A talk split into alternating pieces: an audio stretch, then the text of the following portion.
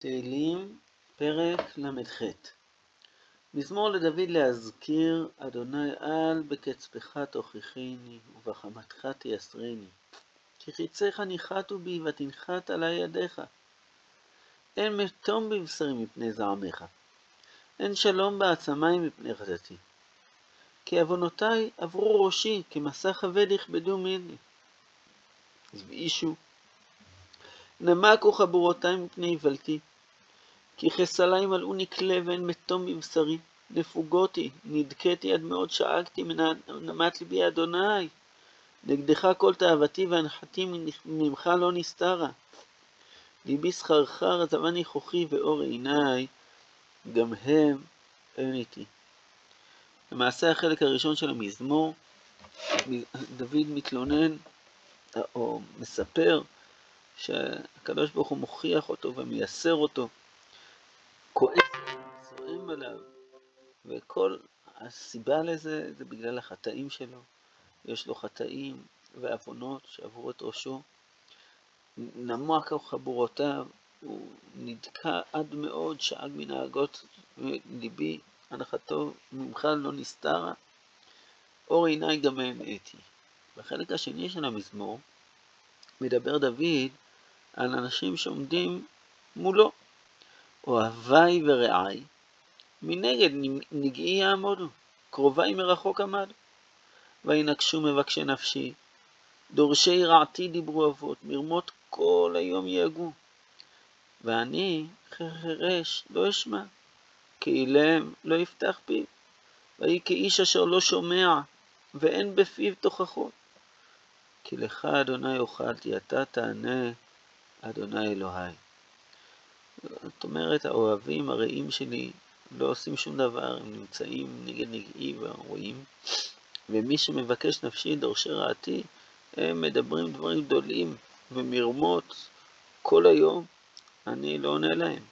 כי אמרתי פן ישמחו לי, פמות רגלי עלי הגדילו. כי אני לצלע נכון ומכאובי נגדי תמיד. כי עווני אגיד, אדאג מחטאתי, ואויביי חיים עצמו, ורבו שונאי שקר. הם גדלים, גדלים, עצמו, משלמי רעה תחת אויביי יסתנוני, תחת רודפיתו, ופשוט מבקש דוד, אל תעזבני השם אלוקיי, אל תרחק ממני חושה לעזרתי, אדוני תשובתי. הכותרת של המזמור, מזמור לדוד להזכיר, מעורר את השאלה מה צריך להזכיר, מה, מה הדבר שצריך להזכיר.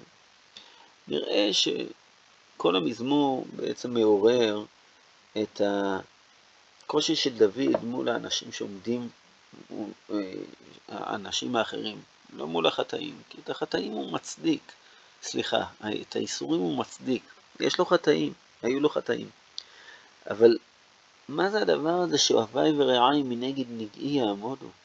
הם עומדים מנגד, והאנשים שיוצאים ורוצים לקלל אותו, נראה שתיאור שמתאים בעצם למזמור שלנו זה התיאור של דוד שבורח מפני אבשלום, ומצד אחד אוהביו ורעיו, כנראה ראה דוד, חושי רעיו ערכי, הוא מרגיש שעומדים מנגד נגעי ולא עושים מספיק, ומצד שני שמעי בן גרה, שבא ומקלל אותו והוא צריך לשתוק, ומפיבושת, שנמצא ככה, אמרתי אתה וציווה, תחלקו את השדה, בסופו של דבר הוא חושב שגם משלמי טובה תחת רעה, גם הם לא נמצאים.